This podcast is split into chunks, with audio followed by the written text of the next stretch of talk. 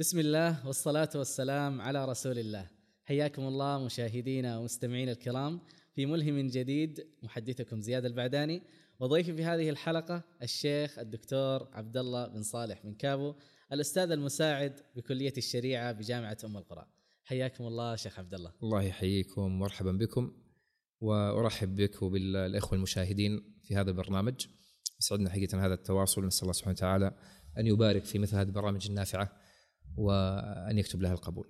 الله يحييكم الله يحفظكم. والله سعيدين جدا بوجودكم معنا يا شيخ. الله يبارك فيكم ونسعد كذلك. الله طيب شيخنا قبل ما نلج في تفاصيل موضوعنا اللي هو مهارات تحصيل العلوم الشرعية ودنا قبلها نأخذ تصور عن إيش هي المهارة؟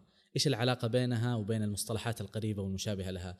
آه، الملكة مثلا المعرفة إيش إيش العلاقة بينها؟ وإيش إيش هي المحددات اللي تظهر فعلا مصطلح المهارة بشكل واضح؟ طيب عندنا مجموعة من الألفاظ المتشابهة أو اللي بينها صلة وبينها يعني تشابه إلى حد كبير وفي الحقيقة إنه بينها فروق آه، عندنا مصطلح المعرفة والعلم. والعلم والمعرفة منها العلم من يرى أنها مترادفة. طيب وبعضهم ذكر لها تفاصيل دقيقة في الفرق بين العلم والمعرفة لكن لا يعنينا هذا الكلام الآن. عندنا العلم والمعرفة هذا جانب وعندنا لفظ آخر وهو المهارة. وفي لفظ ثالث قريب وهو الملكة. فما الفرق بين العلم والمعرفة وبين المهارة والملكة؟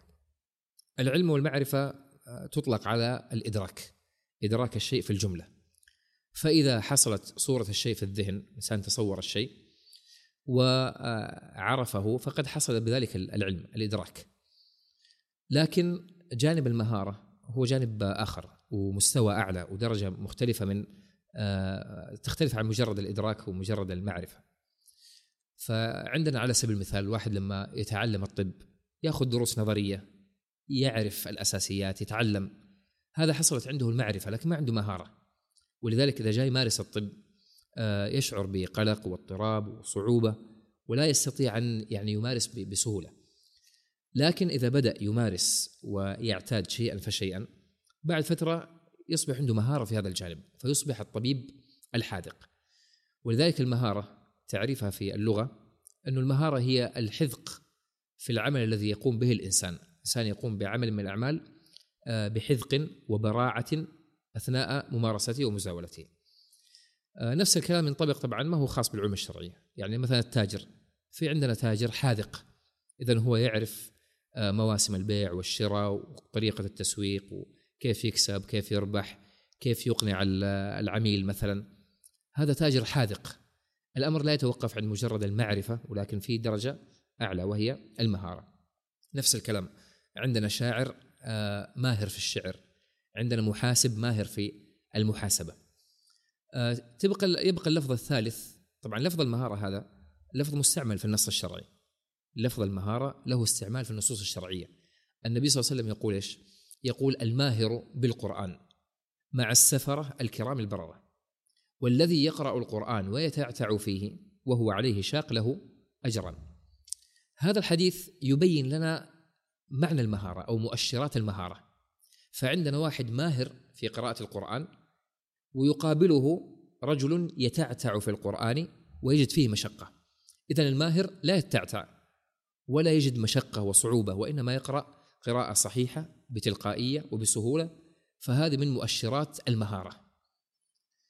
إذا جينا للفظ الثالث وهو لفظ الملكة الملكة والمهارة ترى ألفاظ متقاربة جدا وبعضهم يعني لم يفرق بين المهارة والملكة. وإن كان لفظ الملكة لفظ معهود عند السابقين تكلموا في تعريفه وتكلموا في اكتساب الملكات أكثر من لفظ المهارة. الملكة عرفها الجرجاني في كتابه التعريفات بأنها صفة راسخة في النفس. وذكر أن الإنسان إذا مارس فعل من الأفعال هذا الفعل يؤدي إلى اكتسابه حالة نفسية تسمى يسمونها الحالة. هذه الحالة تعرض وتزول. لكنه إذا استمر في ممارسة هذا الفعل تصبح عنده ملكة وهي صفة راسخة في النفس لا تزول. اذا هي صفة راسخة من علاماتها أنها تلقائية لا تحتاج إلى تكلف وعناء وثابتة ما توجد في بعض الأحوال دون بعض هذه الملكة. ولذلك يقال مثلا فلان عنده ملكة مثلا في الفقه. نأخذ مثال أبسط قيادة السيارة. قيادة السيارة فيها معرفة وفيها مهارة وفيها ملكة. الواحد أول ما تعلم السواقة لما تعلمنا زمان أخذنا دروس نظرية صح؟ تعريف بأجزاء السيارة كيف تشغل آه الجانب النظري. إذا جيت تلف يمين تعمل كذا إذا جيت تلف يسار تعمل كذا آه الفرق بين البنزين والفرامل. ها والتع... والكلتش. هذا اللي كنا نتعلمه بجانب نظري. هذه معرفة. لكن أول ما تمسك السيارة تشعر بارتباك وتوتر وعينك تطالع محل رجولك. صح ولا تطفي من أول. أي بالضبط. لأنه هذه هذه معرفة ما فيها مهارة. مع الوقت الواحد بدأ يكتسب مهارة قيادة السيارة فيقود بشكل يعني حاذق وصحيح. لكن يمكن ما زال في بعض التوتر بعض يعني الخوف بعض الشعور بالانزعاج أثناء القيادة. مع ممارسة القيادة في وقت أطول إذا أخذ عامل الزمن مجراه الواحد منا أصبحت عنده ملكة في قيادة السيارة. صار يسوق السيارة بدون ما يشعر بأي توتر ولا يشعر بنفسه ولا يفكر. صارت شيء تلقائي. فهذا هو الفرق ما بين المهارة وبين الملكة. إذا نبغى نتكلم عن العلاقة بين المهارة والملكة بعضهم قال إنها مترادفة وبعضهم قال إنه المهارة تطلق على الجانب المكتسب. اللي يحصل للإنسان بالتدريب والتمرين.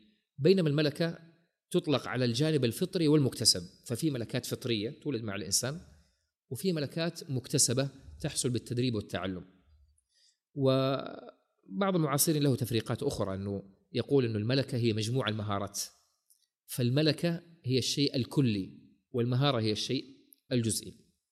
لكن أظن ان التفريق هذا ما هو مرة دقيق وأن الفرق بين المهارة والملكة آه إنه الملكة درجة أعلى من المهارة. المهارة أن يؤدي الإنسان العمل بحذق وبراعة. لكن آه قد تكون هذا هذا الحذق والبراعة يصاحبه القلق أو الانزعاج أو إنه فترة معينة فإذا ترك العمل زالت المهارة. لكن إذا واظب وداوم وتحولت إلى ملكة أصبحت صفة راسخة لا تحتاج إلى تكلف ولا عناء ويمارسها الإنسان بكل شيء بتلقائية وبسهولة وبدون آه، أي انزعاج. والله أعلم. جميل جدا. طيب إذا أردنا إنه نتخصص أكثر في حديثنا ونتكلم عن موضوع موضوع الحلقة اللي هو مهارات تحصيل العلوم الشرعية، إحنا تكلمنا بشكل عام، الآن نبغى نتكلم عن مهارات تحصيل العلوم الشرعية. فافيدونا فيها. طيب مهارات تحصيل العلوم الشرعية هذا اللفظ الوصف مخصص للكلام السابق يعني مهارات خاصة بتحصيل العلم الشرعي. أول ما يتبادر للذهن في هذا الموضوع أو تحت هذا العنوان المهارات التي المهارات الأساسية التي ذكرها العلماء قديما مهارة الحفظ، مهارة القراءة، مهارة كتابة الفوائد وتقييد العلم، مهارة التلخيص، مهارة البحث. وهذه كلها مهارات أساسية بلا شك. لكن الحقيقة أنه مهارات التحصيل العلمي اليوم لا تقف عند هذا الحد ولا تنحصر فيما ذكره السابقون. عندنا مهارات كثيرة، باب المهارات هذا آه، هو باب يعني آه، ما هو توقيفي، باب مفتوح لأنه متعلق بالوسائل والوسائل متجددة لا تنتهي عند حد معين. فاليوم عندنا ظهرت مهارات في التحصيل العلمي مهمة جدا لم يعرفها السابقون. يعني مثلا من مهارات التحصيل العلمي اليوم؟ مهارة مثلا سرعة الطباعة. يحتاجها الباحث يحتاجها الكاتب يحتاجها طالب الماجستير طالب الدكتوراه. يحتاجها الإنسان إنه يكون عنده سرعة سرعة طباعة. مثلا مهارة معرفة البرامج والتطبيقات الجديدة. التي تساعد على التحصيل العلمي. بعض الناس ما شاء الله يعرف آه، برامج وتطبيقات الحفظ آه، التطبيقات اللي يحتاجها مثلا في الكتابة على الكتب الإلكترونية مثلا آه، وغيرها مهارات استعمال البرامج البحثية مثل المكتبه الشامل ومثل التراث وجامع الفقه وغيرها. فهذه مهارات كلها مهارات يعني مستجدة ومهمة جدا لطالب العلم. نحن ممكن نقول إنه هذه هي أهم المهارات اللي نتكلم عنها. المهارات المتعلقه بالتحصيل العلمي. آه، إذا نظرنا للمهارات اللي تقال في هذا تدور في هذا الفلك يعني لاحظت إنه ممكن نقسمها إلى قسمين أساسيين. والهدف من هذا التقسيم إنه ما يحصل خلط مع إنه كلها مهمة. القسم الأول مهارات آه، تتعلق بالبناء العلمي، البناء والتحصيل والاستفادة.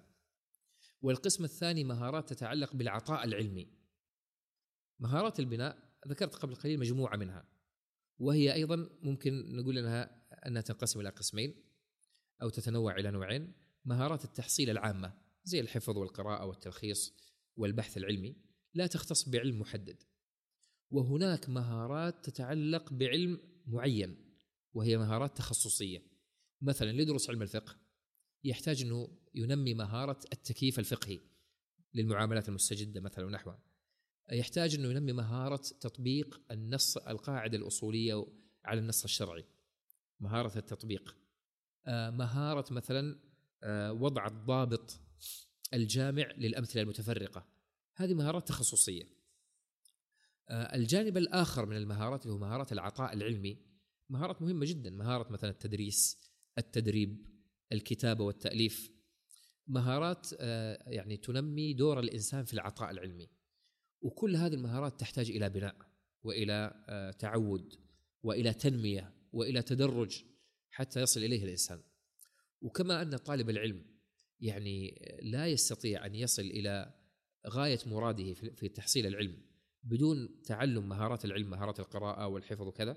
فكذلك من يبذل العلم بعد ذلك في التدريس أو في غيره يعني لابد أنه بحاجة لهذه المهارات مهارات العطاء آه، العلمي وكلها تكتسب بالتعلم وبالتدرج. جميل جدا. لكن هنا يرد تساؤل عند كثير من الناس إنه يعني هذه المهارات إحنا نشوف إنها يعني فطرية يعني الواحد ما شاء الله تبارك الله بعض الناس يولد من أول ما يولد ما شاء الله هو يعني يعني يحفظ الأشياء مثلا بسرعة مهارة الحفظ مثلا. وهو صغير يعني يحفظ سور القرآن بشكل سريع بعضهم يختم القرآن وعمره ستة سبع سنوات. ف يعني عنده حافظة قوية. بينما بعضهم الآخر لا والله يعني يعسر عليه جدا إنه يحفظ صفحة من القرآن يقعد ساعة وأكثر يعني وقت طويل إلى أن يحفظها. ففي تباين وفي فرق. يظهر إنه هذه المهارة يعني هذا هذا الشخص ولد بها الله رزقه إياها والشخص الثاني حرم منها. فليش يعني لماذا الحديث عنها؟ ولماذا الحديث عن المهارات وهي مثلا فطرية بنظر هذا الناس؟ هل هي أصلا فطرية ولا لا؟ هي جزء منها فطري وجزء منها كسبي وبالإمكان الإنسان مثلا باليات وطرائق معينة إنه يكتسب جزء كبير من هذه المهارة. جميل جميل. شوف هذه المهارات اللي تكلمنا عنها آه، جزء منها أو كثير منها آه، فيه جزء وجانب آه، فطري يولد مع الإنسان. يعني عنده استعداد فطري لهذا الأمر أو سماته الشخصية تساعد على هذا الأمر. فمثلا بعض الناس يولد وهو عنده جانب الحفظ قوي من الصغر. ما شاء الله إذا سمع شيء يحفظه. هذا جانب فطري كما يقولون جانب وهبي جانب وهبي موهبة من الله عز وجل. آه، بعض الناس سماته الشخصية تساعد على هذا النوع من المهارات. يعني بعض الناس سماته الشخصية فيها الجانب التحليلي عالي جدا جانب الدقة والإتقان. هذا لما يكون باحث أو لما يتجه للبحث العلمي سماته الشخصية تساعد أن يسير في هذا الاتجاه جانب البحث والتدقيق والتحليل. فهناك جانب آه، فطري أو استعداد فطري لا شك فيه في غالب هذه المهارات. آه، وفي المقابل في المقابل هناك قدر آخر أو جانب آخر مكتسب. لا بد من استكماله حتى يصل الإنسان إلى أعلى درجات هذه المهارة. هذاك اللي نتكلم عنه قبل شوي اللي اللي حفظه قوي ومن يوم ما كان صغير كان يحفظ كل شيء بسرعة. إذا أهمل نفسه وما نمى الحفظ وما مارس الحفظ باستمرار قدرته على الحفظ في الغالب أنها تبقى محدودة أو ربما تضعف. لكن هذا الشخص لو اهتم بالجانب الكسبي المكتسب آه، بالإضافة إلى الجانب الوهبي اللي عنده سيصل إلى مرتبة عالية جدا في الحفظ. إذا اهتم بالحفظ وواظب عليه واستمر وتعلم مهارات الحفظ وتقنيات الحفظ واستعمل الوسائل والأدوات اللي تساعده على الحفظ لا شك أنه هذا سيصل إلى مرتبة عليا. فأعلى الناس في المهارة من جمع ما بين الجانب الفطري اللي هو الجانب الوهبي والجانب الكسبي. يصل إلى رتبة عالية. طيب اللي يقتصر على أحد الجانبين يعني هو الله عز وجل أعطاه مواهب وملكات لكنه ما نماها ولا طورها سيبقى مهما كان له حد في هذه المهارات.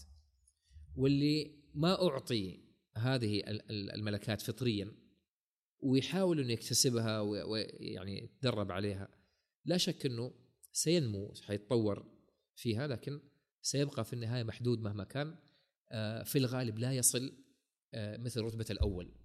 فأعلى الناس في هذه المهارات من جمع ما ما بين الجانب الفطري والجانب آه، المكتسب بالتدريب والتعليم والتجربة. آه، هؤلاء في الغالب أنهم يصلون لأعلى المراتب نحن لما نتكلم مع طلاب العلم نقول على الجميع أنه يحاول أن ينمي مهاراته سواء كان عنده الجانب الفطري أو ما كان عنده. لأنه حتى لو ما عندك الجانب الفطري لا شك أن التدريب والتعلم سيساعدك على تحسين المستوى. إذا ما وصلت إلى 100% خليك توصل إلى 50 إلى 70 أفضل من البقاء يعني فاقد المهارة بالكلية أو مهارتك محدودة في هذا الجانب. طبعا هذا الكلام يعني ما هو كلام نظري. هذا الكلام تدل عليه نصوص ويعني شرعية والعلماء تكلموا عنه. يعني النبي صلى الله عليه وسلم لما سئل عن الصفات والأخلاق آه، قال إنما العلم بالتعلم وإنما الحلم بالتحلم. الحلم بالتحلم هنا جانب الإيش؟ الأخلاق والصفات. ومن يتصبر يصبره الله. إذا الحلم بالتحلم ولفظ التحلم على وزن التفاعل. وهذا الوزن في في من من أوزان اللغة علماء الصرف يقولون إيش؟ يقولون إن هذا الوزن يدل على التدرج والتكلف. يعني التحلم تفاعل شيء حصل بتدرج شيئا فشيئا وحصل بتكلف. فالإنسان يحمل نفسه. هذا إنسان غاضب عصبي لكنه يحمل نفسه على الحلم يعني بالقوة ويحاول أن يلزمها الحلم. مع الأيام سيتحول من إنسان عصبي غضوب إلى رجل حليم لأن الحلم بالتحلم. ومن يتصبر نفس الشيء تصبر يتصبر تصبرا تفاعل يدل على التدرج وعلى التكلف. فهذه الأشياء هذا الجانب الجانب الإيش؟ الجانب الكسبي اللي يحصل بالتكلف والتدرج والتحصيل شيئا فشيئا. والنبي صلى الله عليه وسلم قال لأشج عبد القيس إن فيك خصلتان يحبهما الله الحلم والأناة. وجاء في الحديث أنه جبل عليهما. فهذا الجانب الإيش؟ الفطري اللي يولد مع الإنسان. طيب لو كان الإنسان ولد على الحلم ثم درب نفسه على مزيد من الحلم والصبر سيصبح آية في الحلم. وكذلك هذا اللي أعطي القدرة على الحفظ. إذا درب نفسه على الحفظ واستغل هذه المهارة وواظب على الحفظ لا شك أنه يكون يعني آية في الحفظ. ابن القيم رحمه الله له عبارة في التعليق على هذا الحديث حديث ومن يتصبر يصبره الله يقول إن المزاولات آه، تعطي أو تورث الملكات. المزاولات تورث الملكات. فالمزاولة المداومة والاستمرار على شيء معين يورث في النهاية الإنسان يصل إلى الملكة.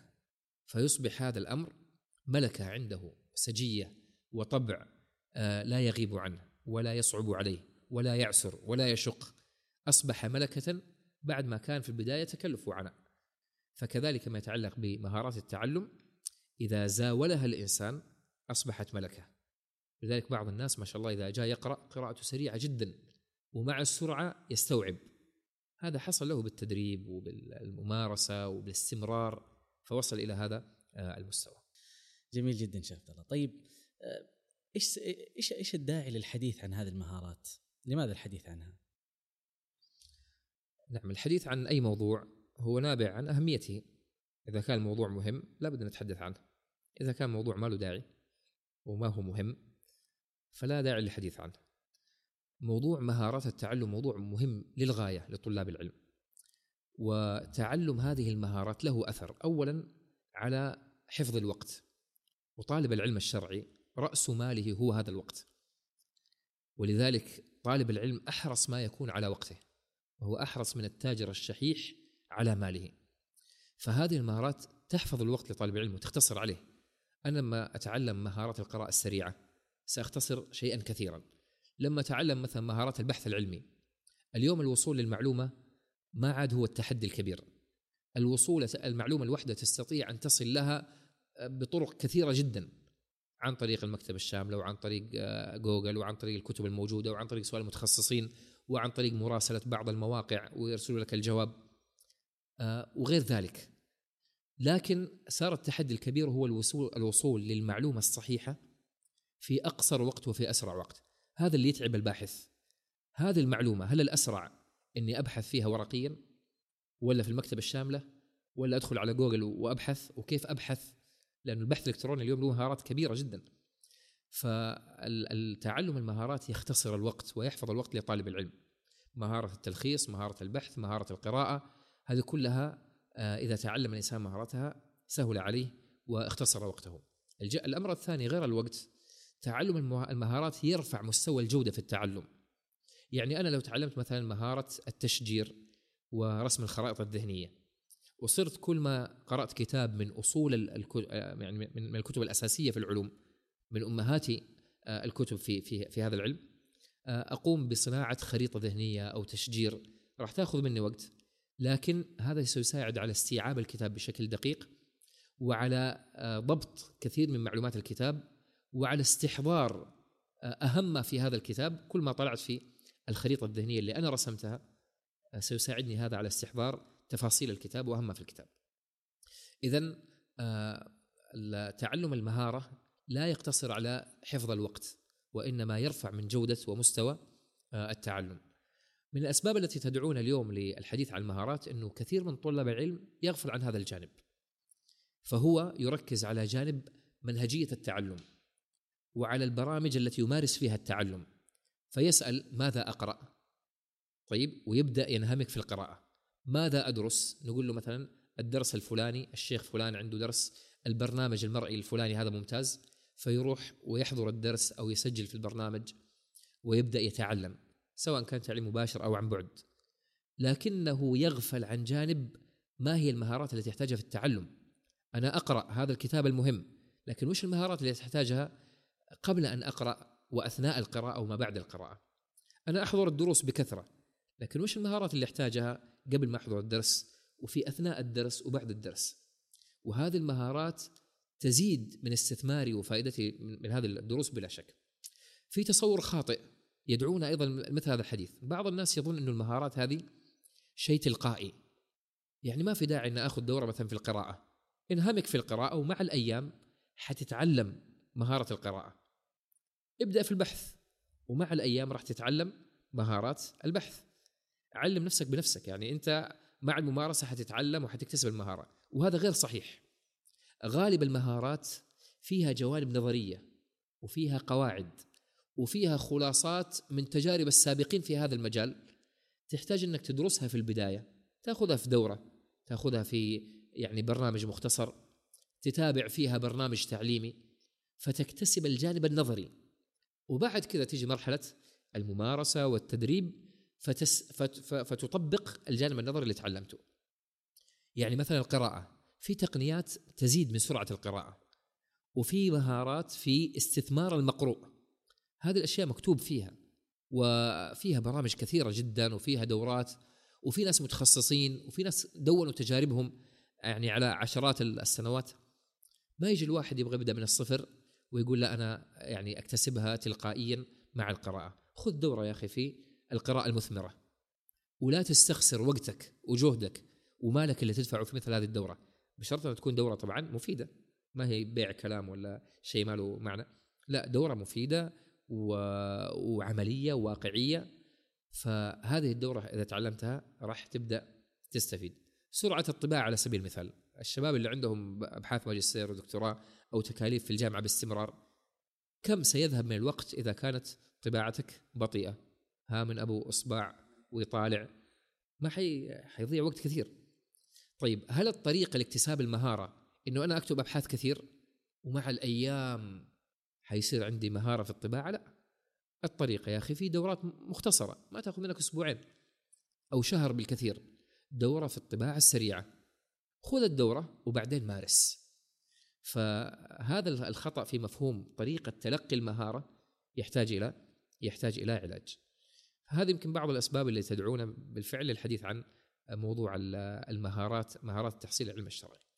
جميل جدا، لكن هنا يرد سؤال.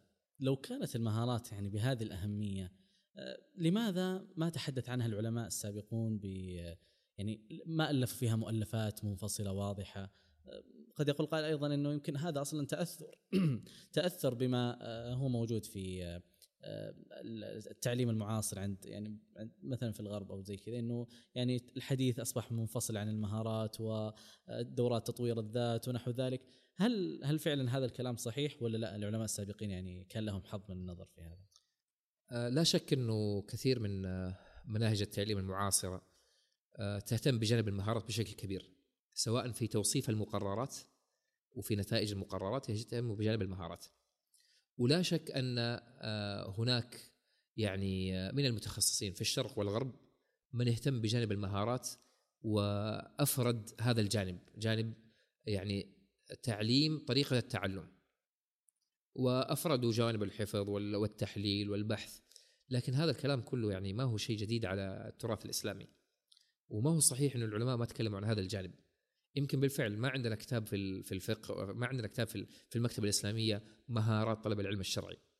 ونحن أصلا قلنا إنه كلمة مهارات ما كانت ترى مستعملة عندهم بكثرة كانوا يستعمل لفظ الملكة أكثر. لكن كل ما نريد أن نتكلم عنه من محتوى الاهتمام بالحفظ وسائل الحفظ آه، طرق اللي تقوي الحفظ وصايا للحافظ كل هذا موجود.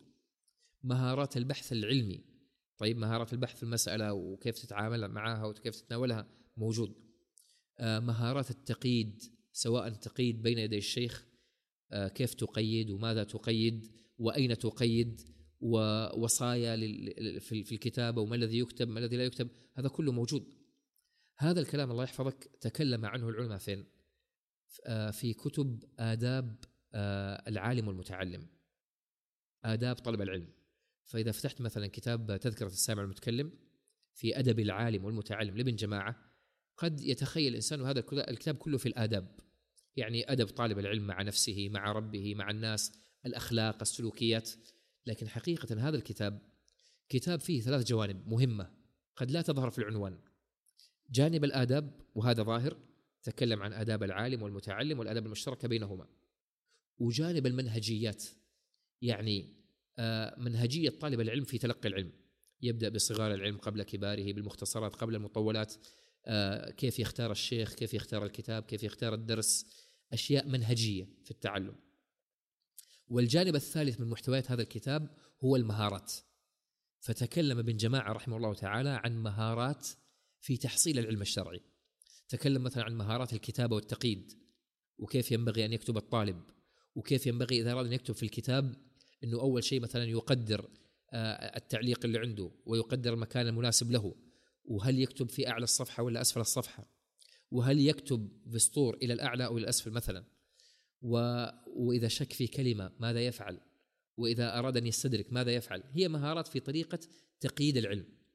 وتكلم عن مهارات في المدارسة بين الأقران. وتكلم عن الحفظ. بل تكلم إيش اللي يقوي الحفظ؟ وإيش اللي يضعف الحفظ؟ وأحسن أوقات الحفظ. وأحسن أماكن الحفظ. وذكر أفكار كثيرة ممكن الواحد يستخرج منها مهارات الحفظ. لكنهم بطبيعة طريقتهم في التصنيف ما كان يضعوا مثل هذه العناوين مهارات الحفظ ويرقمها ترقيم المهارة الأولى المهارة الثانية لكن هذه المهارات موجودة متناثرة في ثنايا الكلام.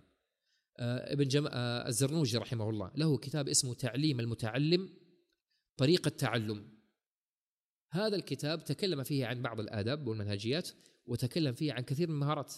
يعني ذكر مثلا في مهارات الحفظ والمراجعة أفكار كثيرة تساعد على حفظ المعلومة وعلى استبقاء المعلومة واستحضارها. ابن بدران رحمه الله في كتابه المدخل تكلم عن طريقة التحضير للدرس وهذه مهارة. قبل ما أروح الدرس كيف أحضر تحضير؟ يجعلني أفهم واستوعب إلى قدر كبير ويساعد على ثبات المعلومة وحسن الاستيعاب. فذكر بالتفصيل طريقة للتحضير للدروس وفوائد أخرى. فهذه المهارات اللي نتكلم عنها المهارات الأساسية غالبها موجود في كتب السابقين سواء في كتب أدب التعلم آه، أو مناهج التعلم ذكر العلماء كثيرا من هذه الجوانب. طبعا في قضية مهمة جدا أنا ودي أني أستدركها نحن نركز على تعلم المهارات. نركز على تعلم المهارات ونؤكد عليه ونقول دائما انه تعلم المهارات هو من باب الوسائل المهارات وسائل وليست مقاصد في ذاتها فهي توصلك إلى ضبط العلم توصلك إلى آه، إتقان العلم توصلك إلى نشر العلم لكنها هي في ذاتها ليست علما. وطالما أنها وسائل فهذا يعني آه، شيئين. الشيء الأول أنه الإنسان يحتسب فيها النية ويخلص فيها النية لأن الوسائل لها أحكام المقاصد. العلماء يقولون إن ما لا يتم الواجب إلا به فهو واجب. وما لا يتم المستحب إلا به فهو مستحب فالوسيلة التي تؤدي لتحصيل العلم الشرعي لا شك أنها مما يتقرب به إلى الله فأنا أحتسب عند الله إني آخذ دوره في القراءة أحتسب عند الله الأجر إني آخذ دوره مثلا في التلخيص وتقييد الفوائد لأنها وسائل العلم وينوي في الإنسان النية الصالحة. الأمر الثاني الوسائل تبقى وسائل. فالإنسان إذا بالغ في الوسيلة وبذل فيها من الوقت والجهد أكثر من اللازم. أصبح هذا الأمر مذموما مثل اللي مثلا يأخذ دورات كثيرة في القراءة لكنه ما يقرأ. كل ما سمع عن دورة في القراءة السريعة القراءة المثمرة القراءة التصويرية وراح أخذ دورات في القراءة وقرأ وقرأ كتبا عن القراءة لكنه ما قرأ شيء. هذا ضيع عمره في الوسائل ولم يصل إلى المقاصد. فنحن دائما نقول إنه جانب المهارات جانب مهم لكن لابد أن يحدد الإنسان بالحاجة. المهارات التي أحتاجها. وقد تكون هذه المهارات تختلف تختلف بحسب التخصصات بحسب الاهتمامات حتى المهارات العلم الشرعي. يعني مثلا مهارة استخدام البرامج اللي آه، تفيد في تخريج الأحاديث. ربما ما يكون تعلم هذه المهارة والتعرف على كل البرامج الموجودة وإيش أحسنها وطريقة استعمالها قد لا يكون مهما لكل طلاب العلم. يهم الطلاب المتخصصين في الحديث ومن له صلة بعلم الحديث لكن قد يكون مثلا المتخصص في اللغة ما يحتاج هذه المهارة فكذلك المهارات الأخرى الإنسان ينظر إلى المهارة التي يحتاجها ويهتم بها جميل جدا يا شيخ طيب آه، إذا جينا إحنا الآن واحد من طلبة العلم خلاص يعني اقتنع جدا بأهمية المهارات والحرص على اكتسابها وإذكائها بس يبغى يقول إيش هي أهم المهارات اللي أنا الآن أركز عليها؟ إيش هي أهم المهارات اللي تساعدني في طلبي للعلم الشرعي؟ طيب آه هذا السؤال حقيقة آه، سهل وممتنع في نفس الوقت. لأنه المهارات الأساسية معروفة واختصار المهارة المطلوبة في كل جانب آه، في مثل هذه الحلقة يعني يعتبر آه، حقيقة من الصعوبة بمكان كل مهارة من المهارات الأساسية مهارة الحفظ هذه مهارة مهارة القراءة مهارة البحث العلمي تقييد الفوائد التلخيص وغيرها.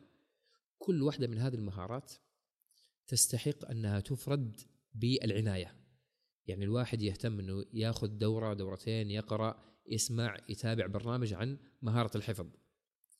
وياخذ برنامج آخر في برنامج القراءة. ياخذ دورة في مهارة القراءة يتابع مثلا برنامج عن تنمية القراءة واستثمار القراءة. آه ينمي نفسه في هذا الجانب. فكل مهارة من المهارات اللي سنذكرها هي بحاجة إلى دورة مفصلة حتى تكتمل الفائدة. لكنني سأحاول في هذه العجالة يعني بحسب ما يسع وقت الحلقة إني أشير لأهم المهارات في كل جزئية. القراءة وش أهم مهاراتها؟ الحفظ أهم مهاراته بهذه الطريقة. أول ما نبدأ به مهارات الدرس العلمي. مهارات الاستفادة من الدرس العلمي. من أول ما يبدأ به طالب العلم الدراسة على أهل العلم. وهذه جادة أهل العلم في الطلب. إن الإنسان لا يبدأ بمجرد القراءة ولا آه، جرد المطولات ولا البحث ولا المدارسة وإنما يبدأ بأخذ العلم على أهله ومن لم يشافه عالما بأصوله فيقينه في المشكلات ظنونه. الإنسان يبدأ بمشافهة أهل العلم ويأخذ منهم أصول العلم ويتصور أصول العلم ومسائل العلم من ألسنة أهل العلم. هذه هي البداية. طيب هذا الدرس العلمي الذي يحضر له الطالب ويبذل له من الوقت والجهد والاهتمام هناك مهارات للاستفادة منه تزيد مستوى الفائدة وتزيد مستوى الفهم والاستيعاب وتزيد أيضا مستوى بقاء المعلومة في الذهن. فالطالب يفهم وأيضا يحفظ ويضبط بشكل كبير. عندنا جانب من المهارات يتعلق بما قبل الدرس وهو مهارات التحضير للدرس. فمن ذلك على سبيل المثال أنه ما تروح الدرس إلا وقد حضرت بقراءة المتن الذي سيشرحه الشيخ. ومن المفيد جدا انه يقرأ الكتاب أو المتن أو المقرر الدراسي قراءة مجردة. الطالب يقرأ ويحاول أن يفهم بحسب المكتوب ويحاول أن يعمل ذهنه لماذا قال المؤلف كذا؟ وش المراد بهذه العبارة؟ طيب ما صورة هذه المسألة؟ طيب الشيء اللي نحن دائما نسويه هل تنطبق عليه هذه المسألة أو لا؟ يثير الأسئلة ويتمعن في العبارات ويقيد بعض الإشكالات والأسئلة التي تأتي في ذهنه. ثم بعد ذلك يقرأ شرحا مختصرا مناسبا للتحضير. لأنه بعض شروح الكتب لا تناسب للتحضير متوسعة ومطولة وغامضة وبعض الشروح مختصرة آه، ألفت للقراءة. فيقرأ شرح مختصر يتصور من خلاله المعاني الإجمالية ويجيب هذا الشرح عن بعض الأسئلة التي خطرت على ذهنه. ثم بعد ذلك يذهب إلى الدرس. فلما يحضر عند الشيخ ويبدأ الشيخ في الشرح تنحل الإشكالات ويجد الجواب على هذه الأسئلة. وتعلق في ذهنه ويعرف ما هي المواضع التي لم يترك يتكلم عنها الشيخ فيسأل عنها فتتضاعف فائدته آه، من هذا الدرس واستيعابه وفهمه بشكل كبير. ابن بدران رحمه الله تعالى ذكر طريقة قريبة من هذه في كتاب المدخل. ولولا يعني أن الوقت ربما لا يسع للاستطراد لقرأنا كلامه بالتفصيل. حاصل الكلام أنه ذكر مثل هذه الطريقة أنه يحضر آه، بالنظر إلى المتن ثم يقرأ شرح مختصر ثم يتناقش الطلاب فيما بينهم إيش فهمنا من هذا الكلام؟ هذا قبل الدرس. ثم يحضر الدرس ويوفر جهده وهمته للاستيعاب وأخذ الزيادات من الشيخ. وذكر طريقتهم في التعلم والبدء بالمختصرات قبل المطولات.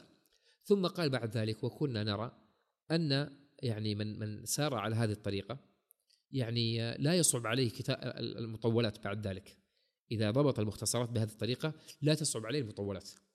يعني عبارته في في هذا يقول رحمه الله تعالى آه نعم يقول وكنا نرى أن من قرأ كتابا واحدا من فن على هذه الطريقة سهل عليه جميع كتب هذا الفن مختصراتها ومطولاتها وثبتت القواعد في ذهنه.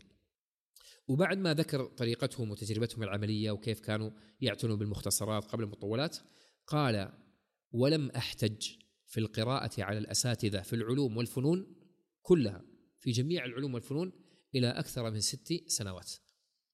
فهو اعتكف على المشايخ وعلى العلماء وعلى المتخصصين ست سنوات لكن أخذها بحقها. اليوم نحن نلاقي بعض طلاب العلم يدرس عشر سنوات و15 سنة وعشرين سنة ولا يكاد يضبط. ليست القضية بحضور الدروس ولا بطول الزمان فقط لكن ناخذ العلم بالطريقة الصحيحة التي يحصل بها الضبط والإتقان.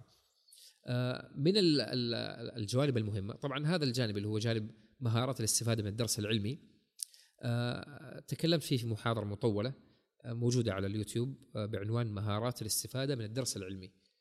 قرابة ساعة ونصف تقريبا. تكلمت فيها عن مهارات ما قبل الدرس وفي أثناء الدرس وما بعد الدرس حتى نزيد من كفاءة الدروس وجودة التعلم من خلال هذه البرامج. من المهارات المهمة جدا كذلك مهارة التقييد وكتابة الفوائد. وهذا مما لا يختلف عليه اثنان. أن طالب العلم يحتاج إلى كتابة وإلى تقييد حتى لا يضيع عليه العلم الذي حصله وسمعه. والزهري رحمه الله تعالى والشعبي يقول إذا سمعت شيئا فاكتبه ولو على الحائط. وكانوا يقولون قديما لا بد لطالب العلم من كناشي. يكتب فيه العلم وهو ماشي. الكناش هو إيش؟ الشيخ زياد مثل المذكرة أو الدفتر فإذا خطرت الإنسان فائدة علمية يكتبها مباشرة.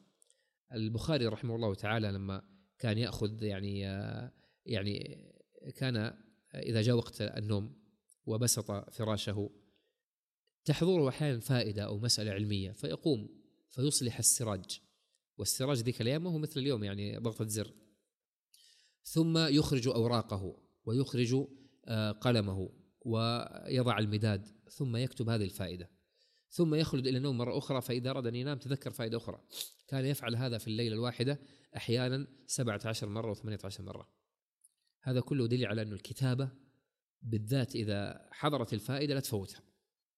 والعلم صيد والكتابة قيده قيد صيودك بالحبال الواثقة فمن الحماقة أن تصيد غزالة وتفكها بين الخلائق الطالقة هذه الكتابة نحن جميعا مقتنعون بأهميتها لكن لها مهارات في طريقة الكتابة في ماذا ماذا أكتب ماذا أكتب. الطالب المبتدئ يكتب كل حاجة صح ولا كل شيء يكتبه الصغير والكبير.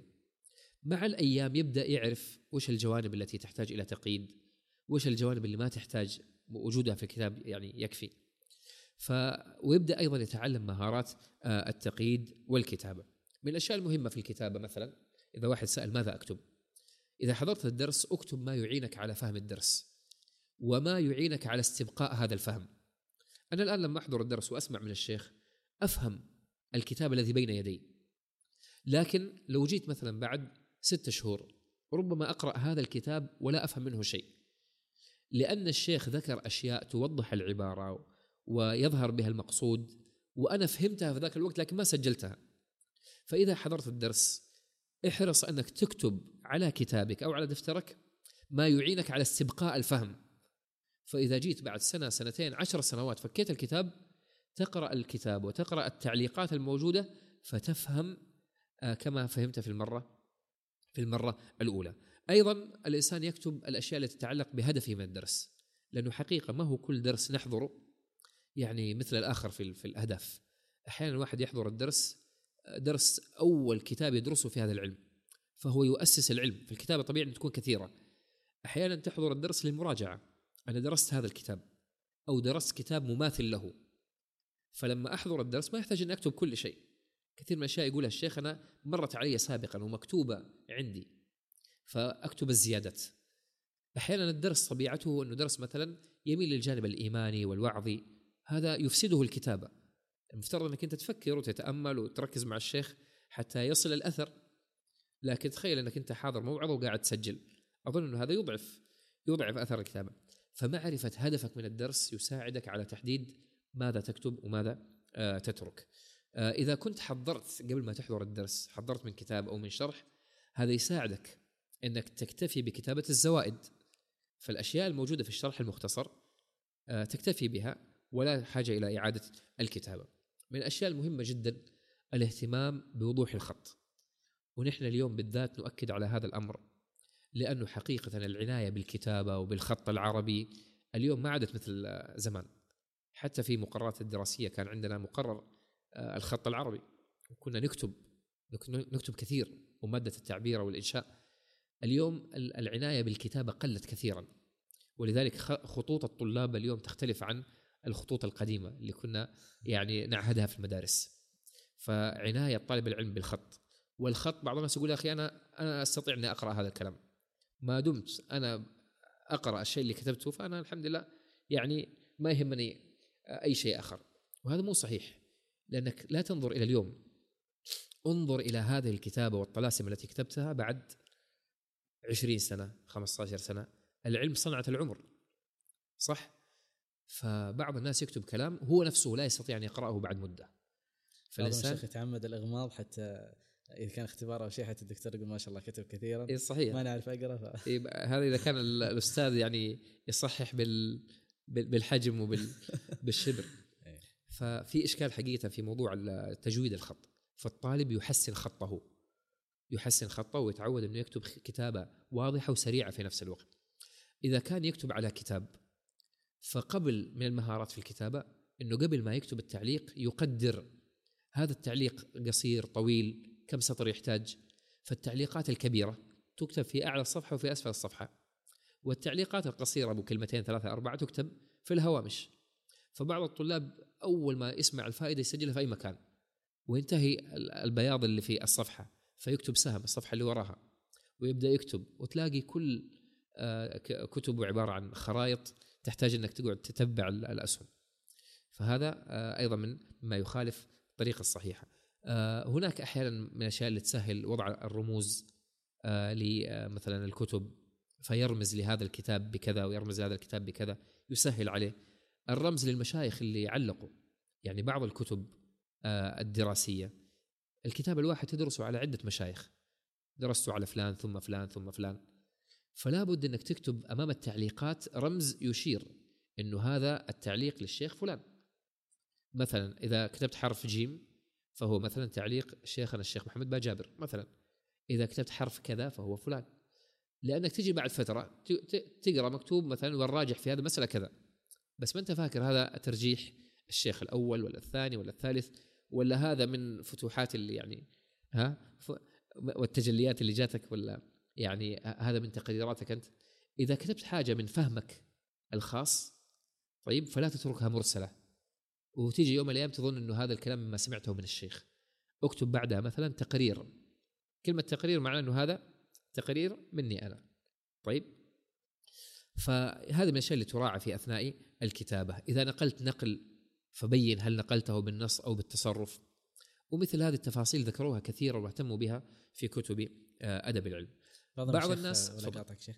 بعضهم كان آه، يعني كنت أعرف واحد كان يجيب القلم هذا ابو أربع ألوان. وكان يعني يدرس الكتاب على عدد من المشايخ. عند كل شيخ يكتب بلون. فلعله هذا أيضا من الوسائل اللي ممتاز. تكون. ممتاز جدا. بس أهم شيء إنه هذا يبغى له يستصحب هذا القلم الملون في جميع إيه صحيح. في جميع الدرس.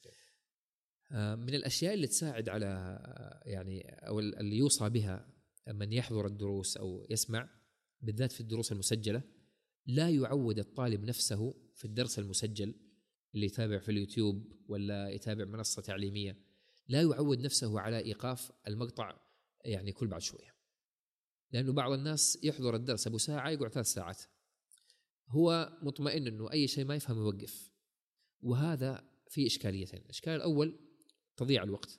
الإشكال الثاني إنه يعود إنه ما يلقط المعلومة بسرعة. وما يفهمها ويستوعب بسرعة. ولا يكتب بسرعة. لأنه مطمئن إلى إلى إنه إيش؟ كل ما أشكل عليه شيء بيوقف. لكن أنت اعتبر نفسك حاضر.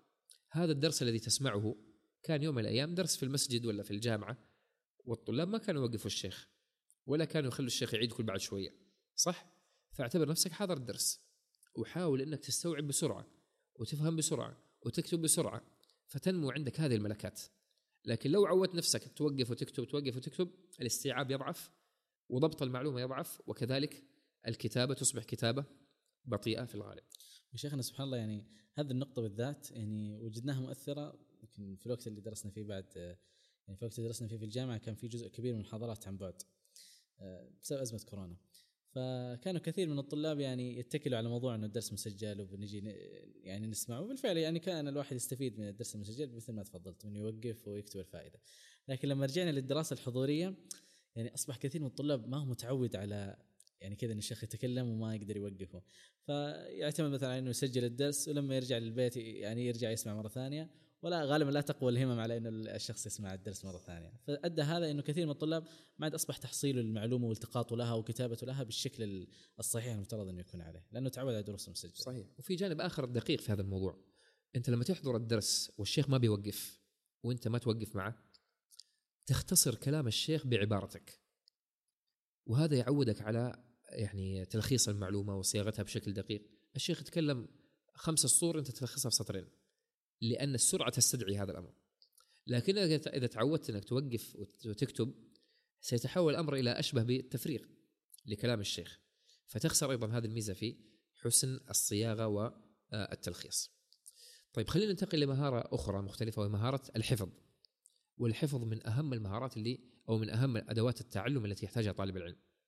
وذلك قالوا إيش؟ فاحفظ فكل حافظ امام، ليس بعلم ما حوى القمطر ما العلم إلا ما حواه الصدر. والعلوم الشرعية بالذات ليست كبقية العلوم.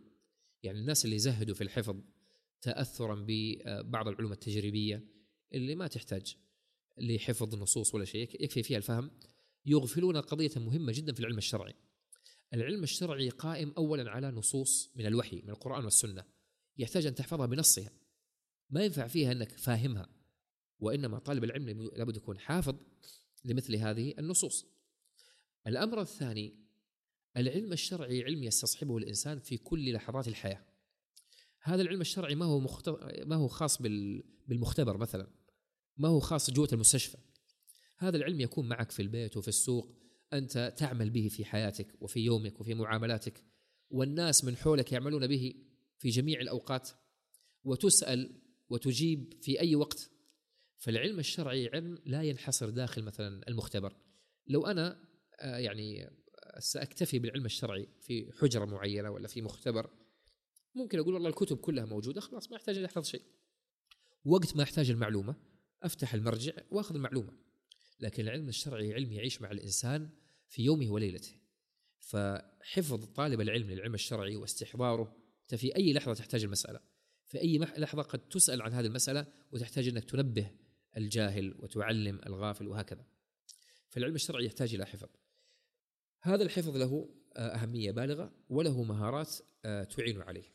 آه، من أهم مثلا المهارات اللي اللي آه، نعتني فيها ب يعني اللي تعين الحفظ التركيز على الحفظ الأول وذلك بكثرة التكرار. لأنه الحفظ ما هو هو إنك تقدر تسمع المعلومة بدون خطأ.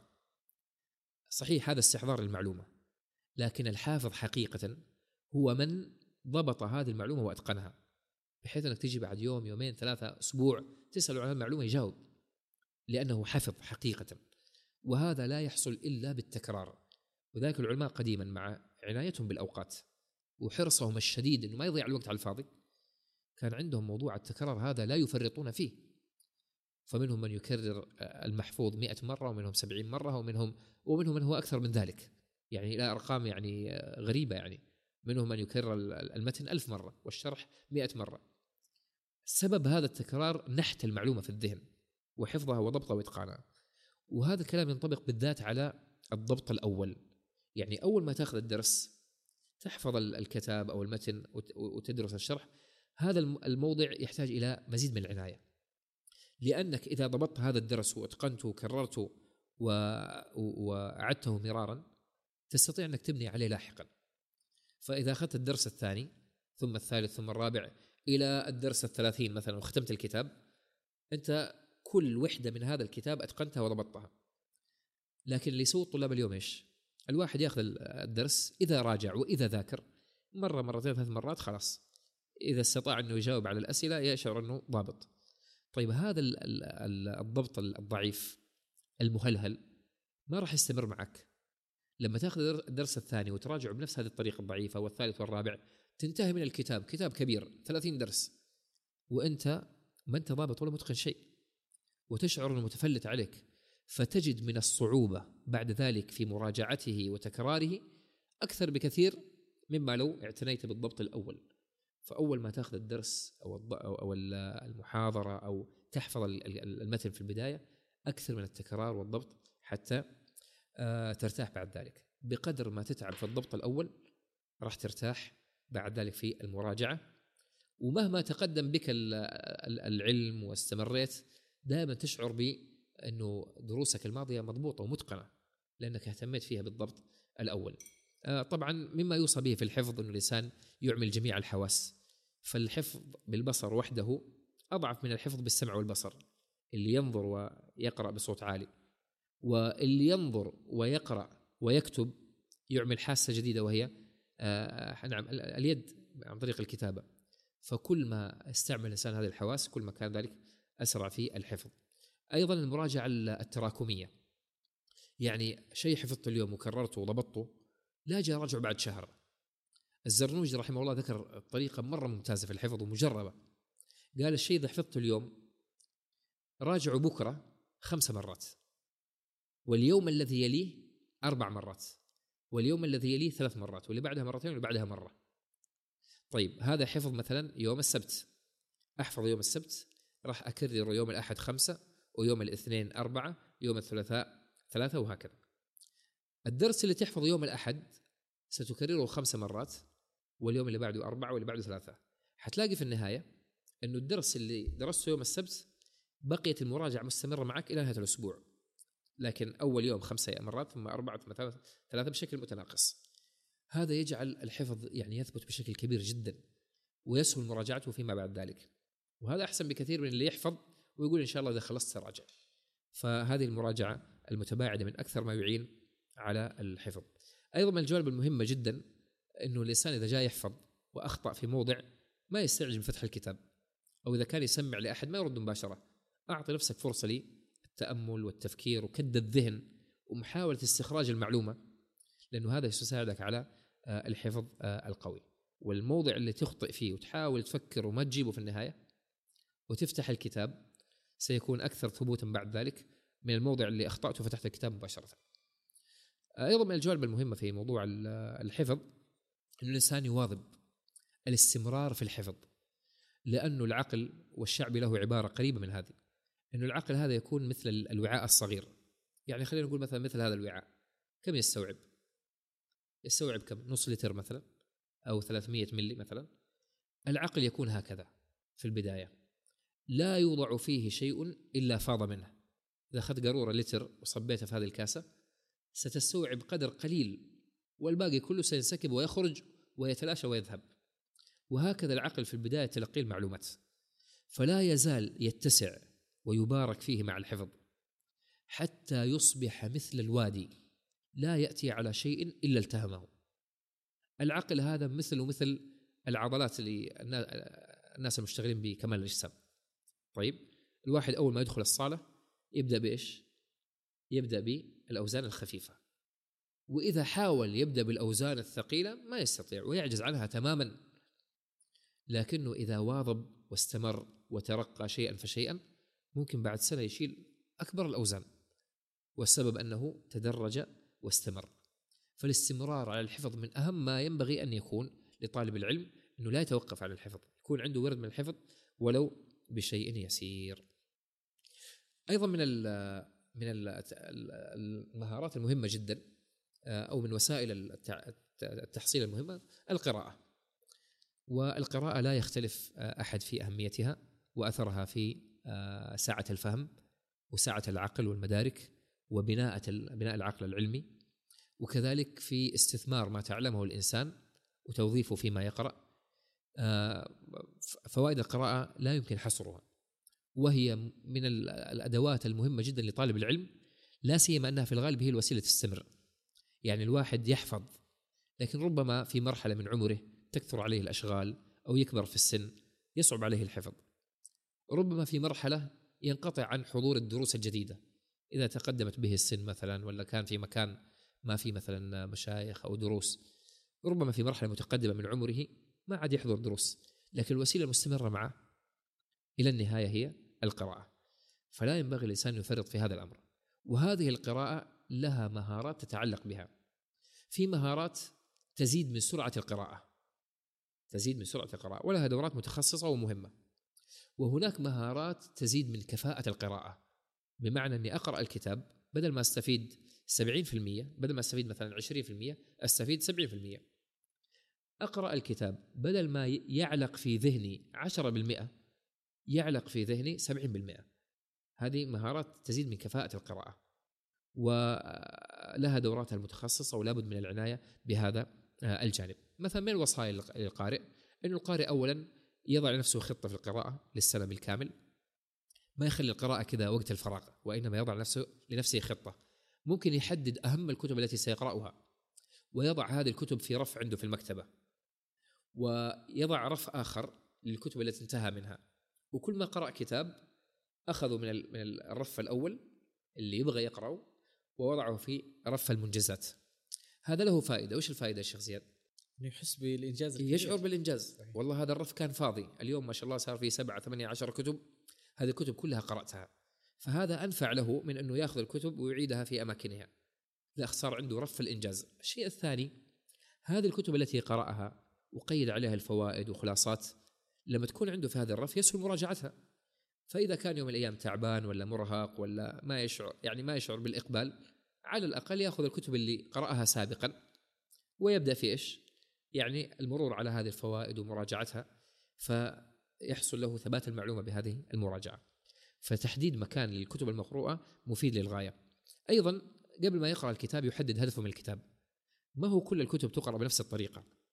يعني أنت لا تقرأ مثلا في كتب الأدب كما تقرأ في كتاب الفقه اللي بتختبر بكرة في الجامعة صح ولا في كتاب تقرأ تبغى تحفظ معلومة وفي كتاب تقرأ قراءة جردية تبحث عن معلومات معينة تلتقط تلتقط معلومات محددة من خلال الكتاب وهناك قراءة استطلاعية تبغى تشوف هذا الكتاب يتكلم عن إيش وش أهم الموضوعات آه، تقرأ في فصل أو مبحث عندك في دراية وإلمام عشان تقيم الكتاب فهذا نوع آخر.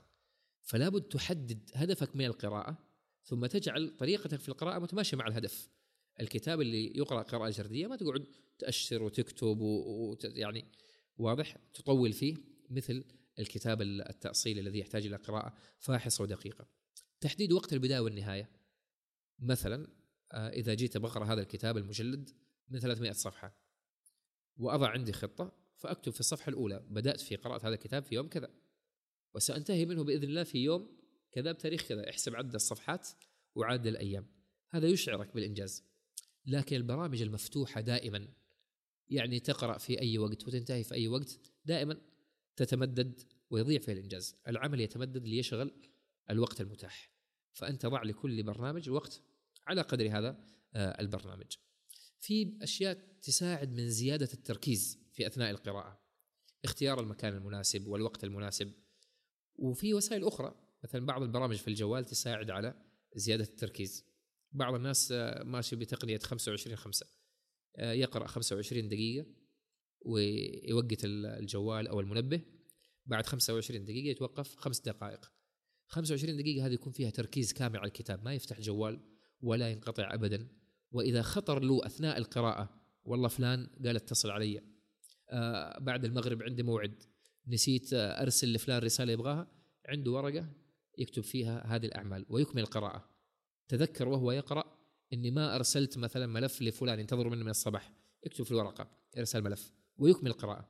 25 دقيقة تركيز كامل على القراءة. وبعدين تجيك خمس دقائق تجعلها للراحة ولهذه الخواطر اللي وردت عليك أثناء القراءة.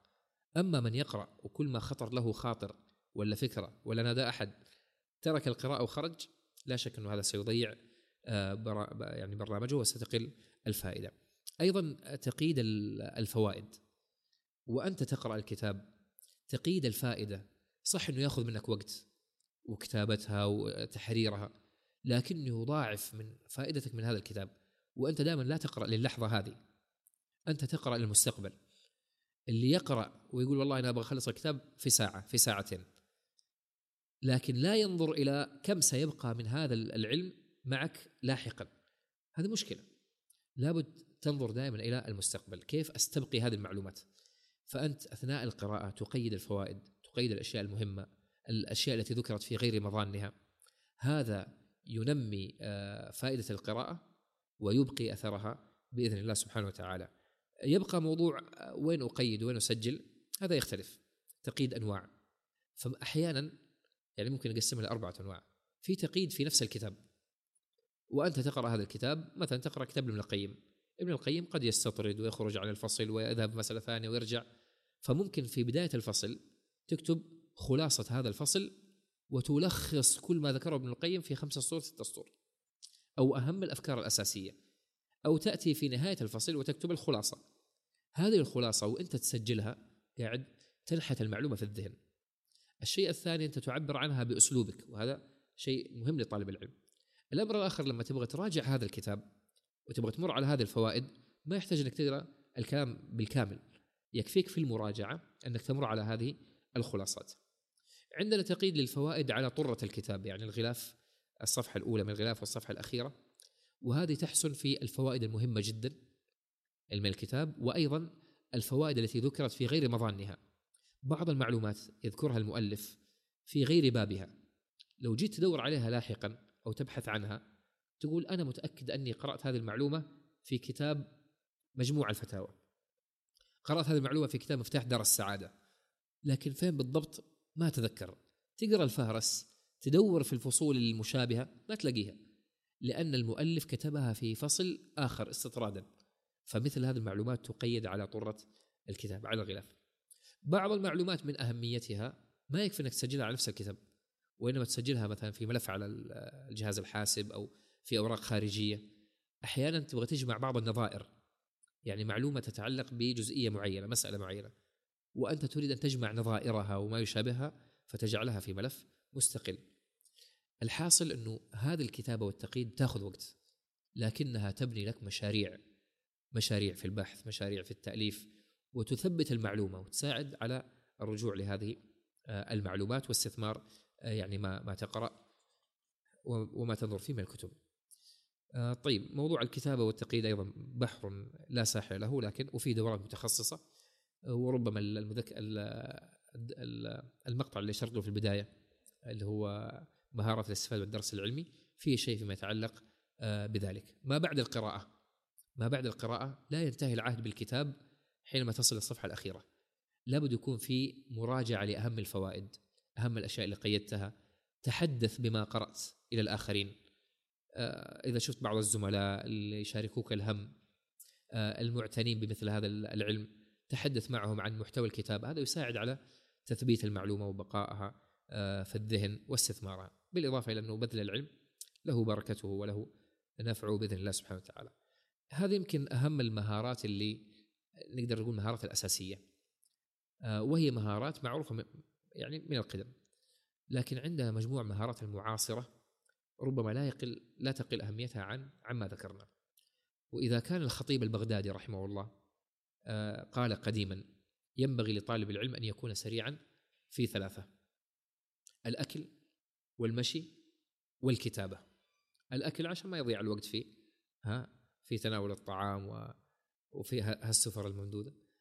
والمشي حتى يتنقل بين الدروس وإلى المساجد والمدارس بسرعة وما يضيع الوقت في المشي. والثالث الكتابة. سرعة الكتابة هذه مهارة صح؟ تنمو مع الممارسة والتجربة فيتعود الإنسان على سرعة الكتابة. إذا كان الخطيب البغدادي قال في ذلك الزمان إن طالب العلم ينبغي أن يكون سريعا في ثلاثة فاليوم طالب العلم ينبغي أن يكون سريع في كم مهارة؟ مهارات كثير. مهارات جديدة. اليوم ينبغي أن يكون طالب العلم سريعا في الطباعة يعني الكتابة على الجهاز. ينبغي أن يكون طالب العلم سريعا في البحث الإلكتروني يعرف أيقونات البحث ومنافذ البحث ومنافذ النشر وطريقة الوصول لكل معلومة بأسرع وقت. بعض المعلومات أسرع طريقة إنك تأخذها من جوجل صح؟ من موقع موثوق تصل لها. بعض المعلومات أسرع طريقة الكتاب الورقي اللي عندك. بعض المعلومات أسرع طريقة آه مثلا المكتبة الشاملة أو جامع الفقه الإسلامي أسرع. فليس الشأن الوصول للمعلومة لكن سرعة الوصول إلى المعلومة الصحيحة. فهذا مما ينبغي أن يعتني به طالب العلم اليوم. من المهارات المعاصرة اليوم قد أشرت لها في أثناء الكلام معرفة البرامج التي تحتاجها. وأنا أؤكد على موضوع الحاجة لأنه لو حاولت تعرف كل البرامج اللي لها صلة بالعلم والتعلم ما راح تنتهي. ولن تقف لأنه كل يوم في برامج جديدة. لكن تعلم ما هي أهم البرامج والتطبيقات اللي في الجوال وفي الجهاز اللي تحتاجها. فهناك مثلا برامج تساعد الحفظ مثل آه، أو تطبيقات مثل تطبيق أنكي مثلا للحفظ المتباعد. وعندك بعض التطبيقات تساعد على آه، البحث العلمي. طيب؟ وفي تطبيقات تساعد على أداء المهام وعلى مثلا التركيز في أثناء القراءة. فمثل هذه التطبيقات نأخذ منها بقدر الحاجة.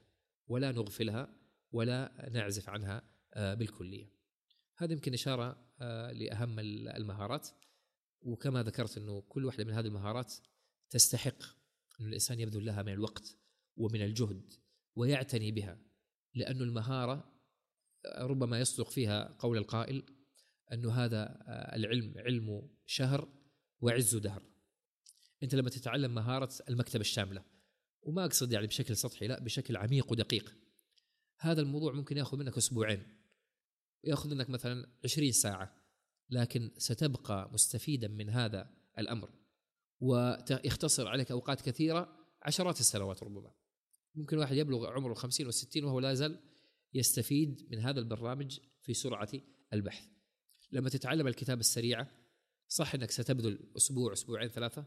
لكن ستجد فائدة هذا الشيء اللي تعلمته على مدى آه، سنوات طويلة فلا يستخسر الإنسان ما يبذله لتعلم مثل هذه المهارات بالذات المهارات اللي آه، الأساسية الأصلية التي سيحتاج إليها آه، بكثرة.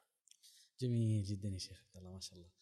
وحقيقة يعني يعني بهذا الكلام يتبين تتبين آه، المهارات هذه وأنه الإنسان سبحان الله لو خصوصا طالب العلم يعني في بداياته لو حرص على اكتسابها يعني يؤثر هذا كثيرا في النتيجة النهائية اللي يصل إليها.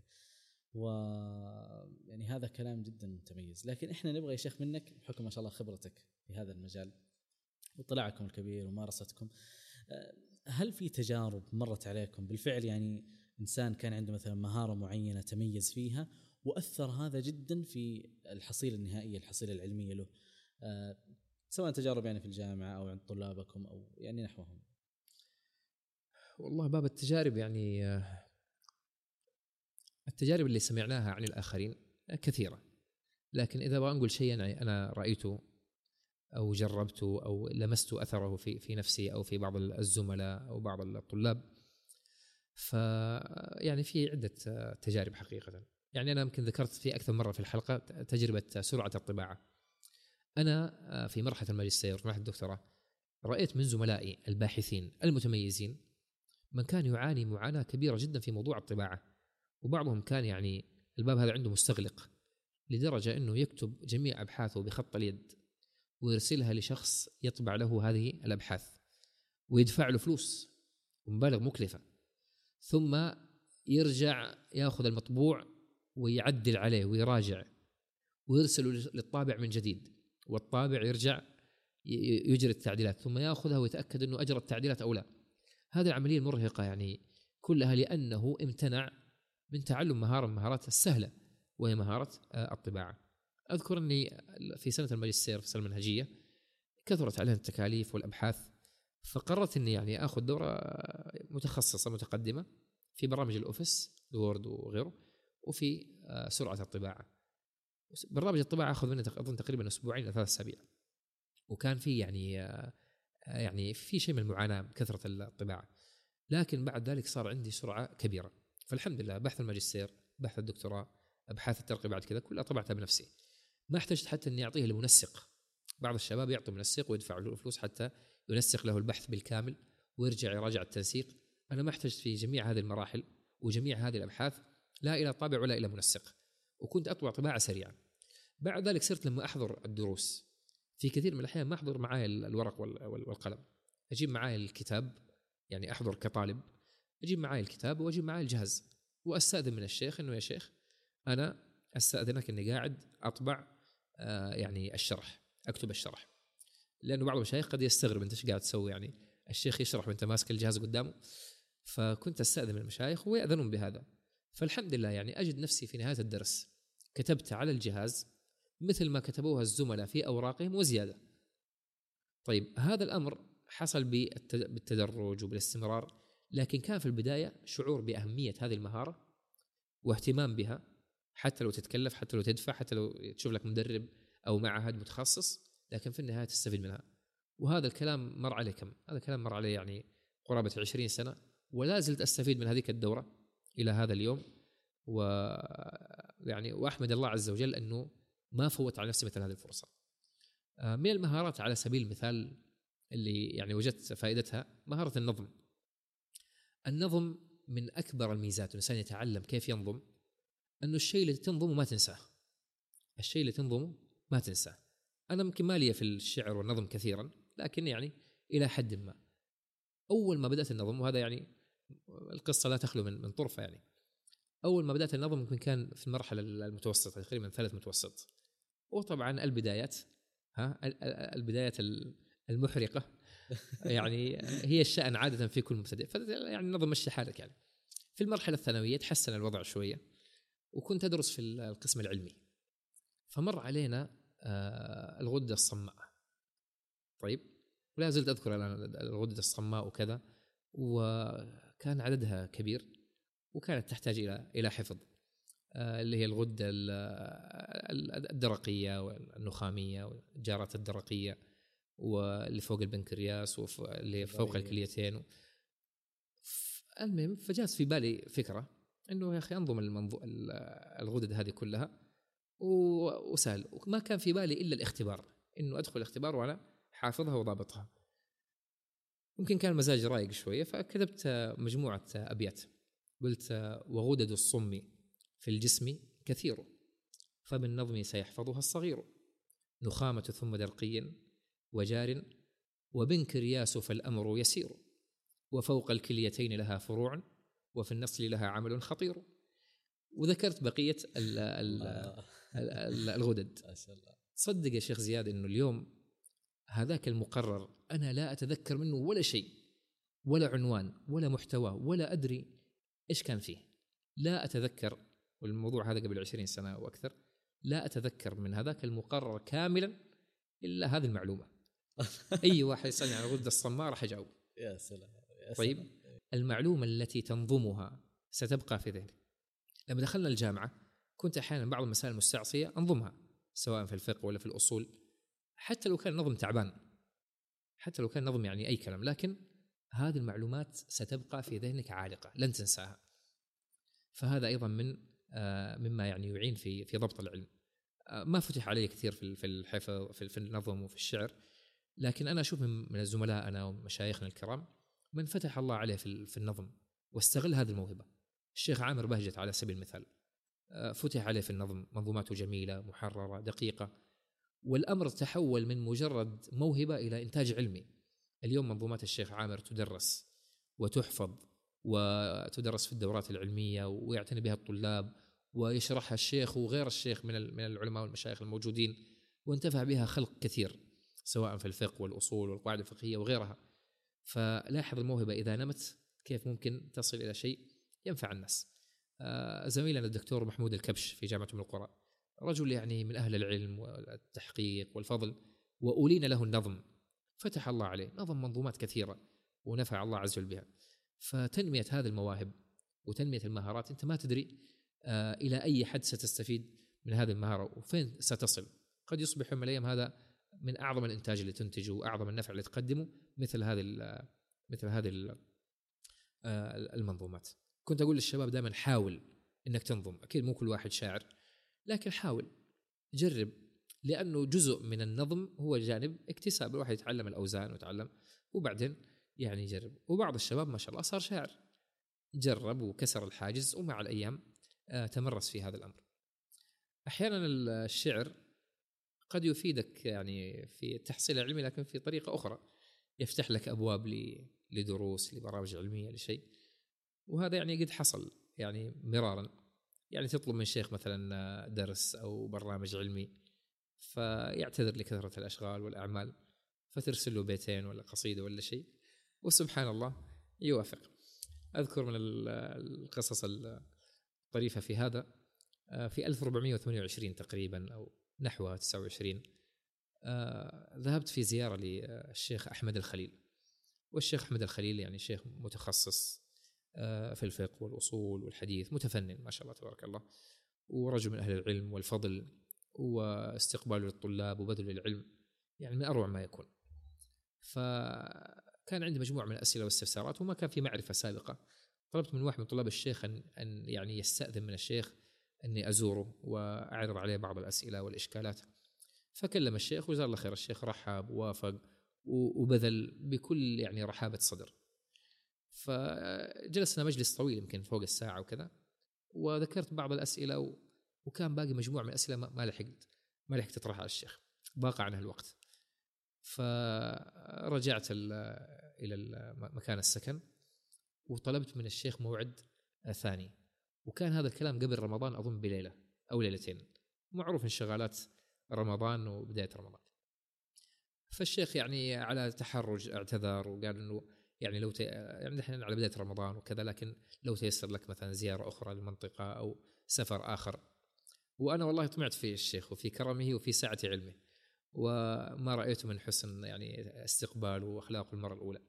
فأرسلت له ثلاث ابيات أرسلت للشيخ قلت إني علمت بأن وقتك مثقل لكن جودك بالعطاء كفيل. فلذاك أحفي بالسؤال مؤملا والظن في حسن الجواب جميل. يا شيخنا فأذن وإن قل اللقاء إن القليل من الخليل جليل.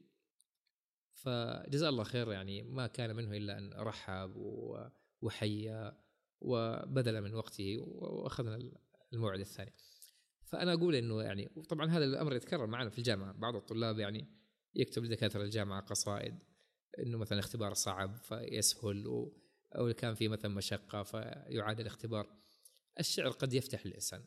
وهو في البداية آه، موهبة لكنه ينمو بالعنايه والاهتمام.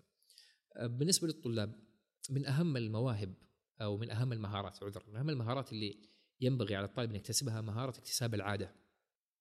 اكتساب العادة. إنه الإنسان يتعود على المواظبة والاستمرار على العمل ولو بقدر يسير. وهذا فيه تطبيق لقول النبي صلى الله عليه وسلم أحب الأعمال إلى الله ادومه وإن قل.